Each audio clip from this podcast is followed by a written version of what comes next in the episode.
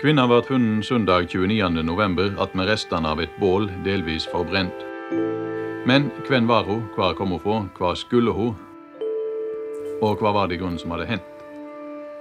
Da er jeg atter på vei inn i Gåtene i Isdalen-redaksjonen, og i dag skal det egentlig være en liten kulturnyhet i sentrum. For eh, BBC har faktisk i samarbeid med NRK nå bestemt seg for å lage en verdensomspennende podkast. En, en, stor satsing. Det er gøy, Marit?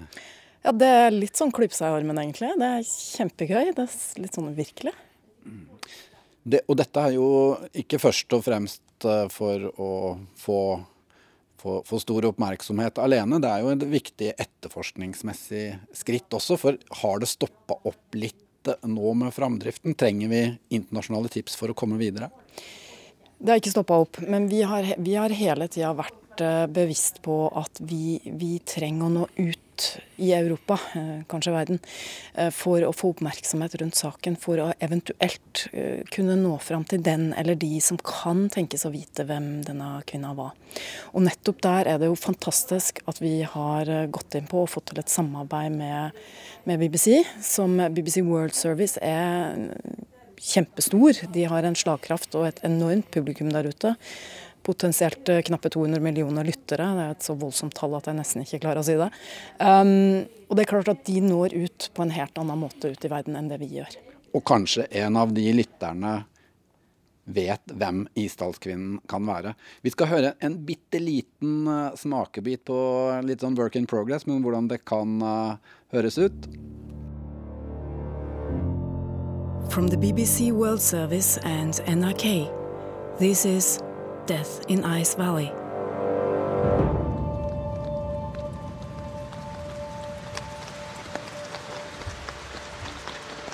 Some people take their secrets with them to the grave when they die. Ja, det er, eh, det er, du som er uh, hoveddetektiven. Så har du en engelsk eh, makker. Ja, vi er to programledere. Det er meg og så er det kollega Neil fra BBC mm. som lager denne podkasten, eller som er programleder i den og har reist rundt. Og jeg har juksa litt, for jeg snakka med han Neil og sjefen hans eh, Philip da de var her, og dette forteller de om deres interesse for denne gåten fra Bergen.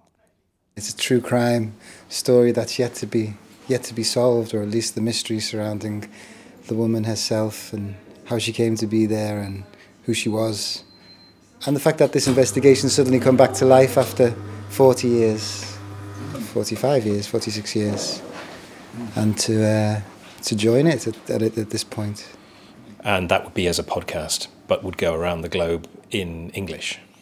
Neil McCarthy og Philip Sellers fra BBC de er eh, glade for å hive seg med på NRKs eh, etterforskning, og har jo stor tro på at det er en interesse for en slik skandinavisk eh, krimhistorie der ute, blant deres millioner av radio- og podkastbrukere.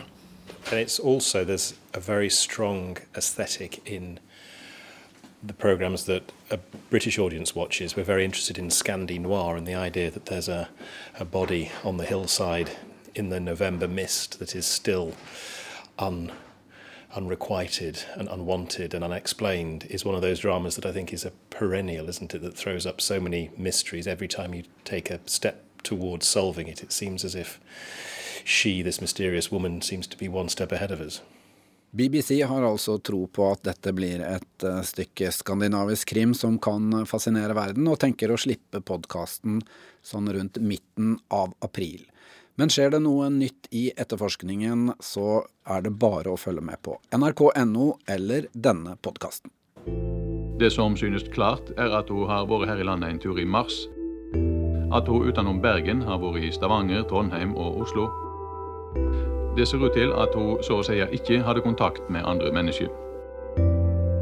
I denne lille episoden møtte du Marit Higraf og Neil McCarthy og Philip Sellers fra BBC og jeg heter Kjetil Saugestad.